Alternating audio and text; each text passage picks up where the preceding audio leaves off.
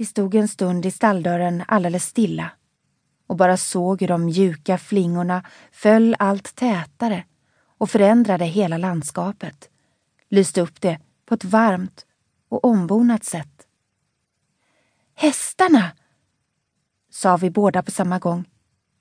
Silver och Lilleman måste också få uppleva den första snön. Jag stövlade in i stallet igen för att ta ut Silver.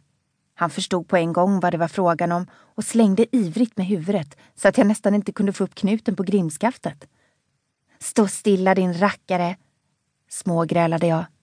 Och trampa mig inte på tårna nu, tillade jag när jag vände honom i spiltan. Silver tvärstannade i dörröppningen och blinkade förvånat mot allt det vita. Han andades in den friska luften i ett djupt andetag och tog ett stort skutt ut på stallplanen. Där stod han, i snön, med stela ben och blåste förvirrad. Så tog han några trippande steg framåt, som om han var rädd att allt det där vita och kalla inte skulle hålla att trampa på. Snart blev han järvare, böjde ner huvudet och nosade på snön. Några snöflingor virvlade upp och kittlade honom i näsborrarna och han frös och började skrapa med framhovarna och virvlade upp mer snö. Hans ögon fick ett förtjust uttryck. Han la sig ner och rullade sig, fick snö i öronen, i ögonen och i näsborrarna. Flög upp och frustade och fnös och gnäggade. La sig ner och rullade igen. Eva-Lena och jag brast ut i skratt. Vi tog ut Lilleman också och hans ögon lyste pikt när han betydligt mer självsäker än Silver klev ut på gården. Han nöjde sig med att skrapa lite med framhovarna, lägga sig och tumla runt en gång från vänster till höger och en gång från höger till vänster.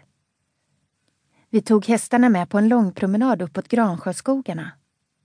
Lilleman travade muntert och Silver dansade fram så att nysnön yrde om hovarna. Tre kilometer från Gransjö, i utkanten av stan, låg ridhuset. Det var gammalt och ganska fallfärdigt. Men vi som gick och red där brydde oss knappast om sådana bagateller som att det regnade in genom taket ibland. Eller att det bara fanns en stol på läktaren. För oss var hästarna det viktigaste. Hästarna och kamraterna.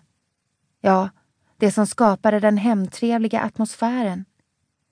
Mest betydde nog farbror Magnus förstås. Avhållen ridlärare och dessutom berömd tävlingsryttare både i Sverige och utomlands, med sina hopphästar Don Dinero och Gin. Jag hade ridit ihop med samma kamrater i ett par år nu och vi brukade ha en massa kul tillsammans. Särskilt Gunnel och Lasse och Helena och jag. Gunnel var farbror Magnus dotter. Äldst i gänget och också den av oss som red bäst. Hon hade egen häst förstås. Ett fint litet brunt sto som hette Truska och hade vita sockor på bakbenen. Lasse var lång och mörk och 17 år. Han red också väldigt bra. Helst på den vackra fuxen Mister. Helena var ett par år yngre än jag, 13 år. Och hon var lycklig nog att ha egen häst. Fia-Lisa hette den. Ett riktigt litet bustroll med en lustig ståndman som stod åt alla håll. Fia-Lisa slängde av alla så fort hon hann. Helena också men Helena bara skrattade. I vår grupp red också Marita och Anna. De brukade för det mesta ha Rex och Fuxen. Rex var en gammal stelbent krake och ingen fattade varför Marita gillade honom. Fuxen däremot var hög och elegant och passade Anna precis.